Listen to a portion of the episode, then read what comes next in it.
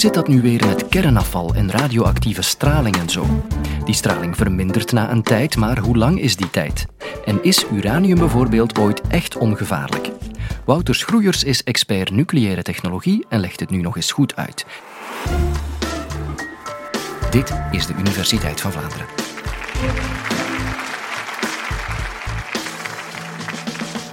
Sinds het ontstaan van de aarde is radioactiviteit aanwezig in onze omgeving.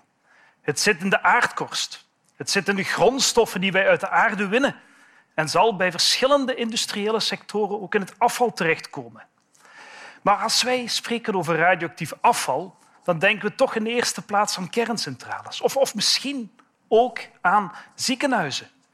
Nu, ik ga al deze verschillende vormen van radioactief afval ga ik een beetje bespreken gedurende deze presentatie. Maar eerst, wat voor soort straling stuurt die, uh, dat radioactief afval eigenlijk uit? Dat is een eerste aspect dat ik ga behandelen. Dus als we kijken naar de kern, de kern van alles, dat zijn uiteindelijk bestaat uit neutronen en protonen. Dat zijn neutrale en positieve geladen deeltjes. Daar rond heb je een elektronenwolk. En ook al zitten er alleen maar neutronen en protonen in de kern, uit die kern kunnen heel wat verschillende deeltjes uitgezonden worden. Dus als je kijkt, aan de ene kant is er alfastraling. is een zeer zwaar deeltje eigenlijk. Ook al bestaat het maar uit twee neutronen en twee protonen. Uh, dat is een heliumkern, een heel stabiele kern die als één geheel uit die kern wordt uitgezonden. En die kan heel veel schade aanrichten, want die botst met zijn omgeving en die geeft zijn straling bliksemsnel af aan zijn omgeving. Dus die raakt ook niet ver. Als ik hier één blad papier tussen ons en u heb, dan wordt alfastraling gestopt. Daarnaast heb je betastraling. Betastraling is een klein beetje lichter dan alfastraling. Dat eigenlijk komt een beetje met een elektron overweg. Maar dat elektron kan zowel een negatieve als een positieve lading hebben. In dat laatste geval dan noemen we het een positron. Dit deeltje kan ook wel heel wat schade aanrichten en geraakt een klein beetje verder als alfastraling. Maar geef mij een stuk karton en ik hou het tegen. Maar dan is het zo dat die kern na het uitsturen van beta- en alfastraling heeft hij nog altijd te veel energie. En dan kan er nog andere soorten straling, namelijk gammastraling, uitgestuurd worden. En gammastraling kan heel ver geraken. Je hebt al een paar centimeter lood nodig of een meter beton om het te kunnen tegenhouden. En dan in heel zeldzame gevallen in heel zeldzame gevallen gaat zo'n kern ook neutronen uitsturen. Die neutronen die zijn helemaal neutraal, die gaan nauwelijks reageren met de materie die ze tegenkomen. Die kunnen dus heel ver geraken, die moeten tegen kernen botsen. Maar die neutronen die gaan we straks nog terugzien verder in mijn presentatie. Laten we nu eerst iets meer kijken van die actieve kern, wat ook wel kan vergeleken worden met een overvolle danszaal.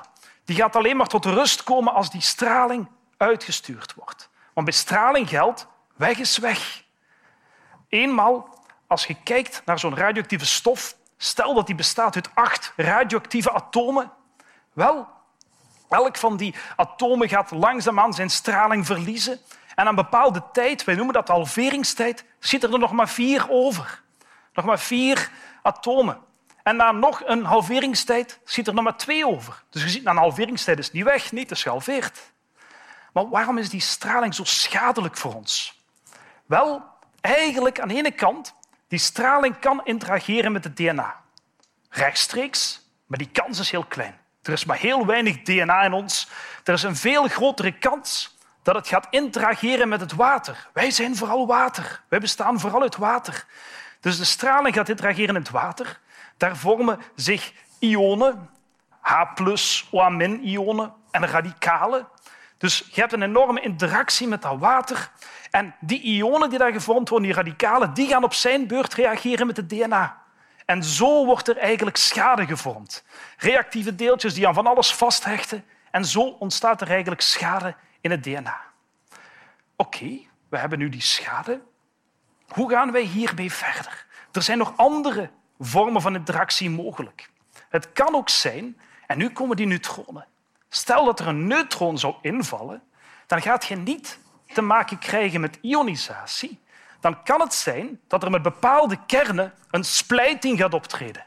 Bijvoorbeeld bij uranium. Als daar een neutron op invalt, dan valt het uiteen in twee stukken. Het wordt gespleten. En bij die splijting kan er heel veel energie vrijkomen. En er worden nog meer neutronen gevormd. Er komen nog meer neutronen vrij die op hun beurt weer andere kernen gaan splijten. Dus je krijgt er heel veel energieproductie. Wat doen we dan eigenlijk wel? In een kerncentrale gaan we die energie opvangen in verschillende circuits. Gaan we uiteindelijk uh, water opwarmen, stoom genereren. En met die stoom gaan we eigenlijk een dynamo aandrijven. En op die manier gaan we elektriciteit opwekken. Maar wat, wat gebeurt er hier in de reactorkern? Wat gebeurt er daar? Wel, wat zit daar eigenlijk? Wel, daar zit het uranium. En het uranium is daar eigenlijk aanwezig in de vorm van wat men noemt brandstofstaven. En die brandstofstaven, ja, op een moment gaat je die moeten vervangen. Dat is ook hier, waar zitten de brandstofstaven? Wel, uh, het zit zo dat nadat je een hele tijd er heel veel energie uitgehaald hebt, dan gaat jij uh, zeggen van kijk, het merendeel van het uranium is opgebruikt. Het is allemaal gespleten.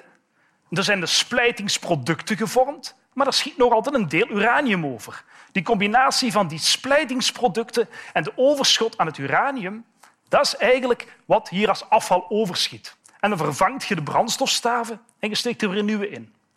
Maar tijdens de werking van zo'n kerncentrale gaat je ook nog andere vormen van afval genereren. Je gaat bijvoorbeeld kleppen moeten vervangen, buizen moeten vervangen, filters moeten vervangen. Net zoals bij een andere industriële sector. En ook deze materialen kunnen allemaal gecontamineerd zijn met radioactiviteit. Dus ook dit is het dagelijks afval dat een kerncentrale produceert. Niet zo actief als die brandstofstaven. Die brandstofstaven die soms honderdduizenden jaren actief kunnen blijven, maar toch ook radioactief afval. Daarnaast is het zo, als je de kerncentrale gaat afbreken, dan zijn er een heleboel oppervlakten die kunnen besmet zijn, die kunnen wat men noemt ook geactiveerd zijn. En daar zijn, die zijn ook radioactief. Dus ook bij de afbraak heb je een heleboel radioactief afval dat er gegenereerd wordt. Maar niet alleen in de nucleaire sector wordt er radioactief afval geproduceerd. Daarnaast is het ook zo in de medische sector, bij bijvoorbeeld radiotherapie, gebruiken we soms verschillende soorten bronnen dat kan zijn dat die bronnen extern zijn, buiten het lichaam. Of het kan zijn dat die effectief in het lichaam geïntroduceerd worden om een kanker kapot te stralen. Soms is het goed om ze zo dicht mogelijk bij die kanker te brengen om ze efficiënter uw kanker heel lokaal te kunnen kapotstralen. Maar in beide gevallen, op een verliezen die bronnen een groot deel van hun energie. En betekent het ook dat ze eigenlijk moeten afgevoerd worden als radioactief afval. Het is ook zo bij de dienst nucleaire geneeskunde. Gebruikt men allerhande, zal ik zeggen, radionucliden om diagnostische beelden te maken, om kankers te behandelen. Dus al deze uh, radioactieve stoffen die worden geïnjecteerd, bijvoorbeeld in, in, het lichaam, in het, komen in het bloed terecht, komen in de urine terecht, komen in maandverbanden terecht. Dus daar genereert je ook radioactief afval. Eén belangrijk voordeel. Dat gaat hier over heel kort levende radionucliden. Dat gaat meestal maar een paar uur of een paar dagen en de activiteit is verdwenen. Dus je moet gewoon een tijdje wachten en weg is weg. Dus dat is het voordeel van dit soort van uh, medisch radioactief materiaal. Aan de andere kant is er een, een heel andere sector. Herinner u wat ik zei in het begin van deze presentatie? Dat radioactiviteit van nature in de aardkorst zit. In de grondstoffen zit van heel veel verschillende industriële sectoren. En als jij bijvoorbeeld, zal ik zeggen, uh, wilt uh, aluminium gaan produceren, dan wilt je heel, heel zuiver aluminium gaan produceren. Maar tegelijkertijd gaat je dan ook andere materialen gaan concentreren. Bijvoorbeeld dat je, zal ik zeggen, een deel van de radionuclides gaat concentreren in bepaalde afvalstromen. Men noemt het ook wel red mud. Dat is een specifieke afvalstroom van de aluminiumsector. En daar zit een verrijking aan natuurlijke radioactiviteit. Dus dit wordt geproduceerd ook in heel grote hoeveelheden en gebeurt ook in heel veel verschillende sectoren.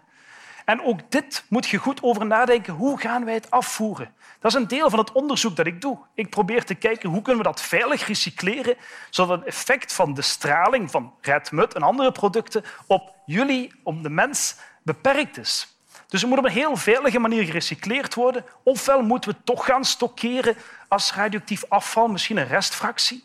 Maar dat is, dat is een hele uitdaging, want stockage van radioactief materiaal is duur. Verschrikkelijk duur. Omdat dat vraagt, zal ik zeggen, heel bijzondere maatregelen. Als we kijken zeker naar het afval van, van kerncentrales, meestal wat we dan ons voorstellen, zijn allemaal vaatjes, zo, allemaal vaatjes met een, een radioactief label. Uh, je hebt zo'n hele hangar met allemaal vaatjes. En al die vaatjes, op een moment gaan we zeggen oké, we willen die nu gaan stockeren. Maar zo moet zo weinig mogelijk plaats innemen. Dus we zetten er een pers op, we drukken het samen met heel hoge druk maken er een, een heel mooi plat schijfje van. En dat schijfje steken we dan eigenlijk, zal ik zeggen, in dit geval in een gegalvaniseerd vat, samen met nog een andere afschermingsmaterialen. Eventueel steken we het in een, een betonnen container, vooral om daar veilig mee te kunnen werken dat dat een beetje afscherming biedt, ook bij de werken ermee, uh, ook op een veilige manier te kunnen stockeren. Maar in België is het zo dat die gegalvaniseerde vaatjes, die gaan we eigenlijk, zal ik zeggen, bovengronds gaan stockeren. Dat heet het categorie A-afval. Dat gaat hier eigenlijk over allemaal relatief kortlevend afval. Kortlevend, dat wil zeggen een halveringstijd kleiner dan 30 jaar. Dus dit categorie A-afval gaan wij bovengronds gaan stockeren. Uh, en we steken die gegalvaniseerde vaatjes we steken die in een betonnen container, een betonnen kist. En we schieten daar wat mortel bij. En we steken dat in een hele bovengrondse opslagunit. En dan moeten we toch wel een tiental halveringstijden wachten voordat die activiteit voldoende laag is. Dus dit moet voor 300 jaar gestockeerd worden. Daarnaast is het zo dat we ook nog ander afval hebben dat heel langlevend afval is. Dus ik zeg dan langer dan 30 jaar halveringstijd. Maar in de praktijk gaat het hier over heel erg lange halveringstijden. Dat dit afval zelfs voor honderdduizenden jaren actief kan blijven. Uh, dit soort afval zijn we in België aan het onderzoeken om dit eigenlijk, zal ik zeggen, ondergronds te stockeren. We zijn aan het kijken om het eigenlijk in boomse klei te gaan stockeren. En waarom in boomse klei? Omdat klei herstelt zichzelf onder invloed van straling. Straling richt schade aan in de klei, maar de klei heeft een zelfhelend vermogen. Dus we hopen dat op die manier dat over geologische tijden mogelijk is om dit soort van materialen te stockeren. Daarnaast is het hoogactief afval, dus het genereert zeer veel warmte.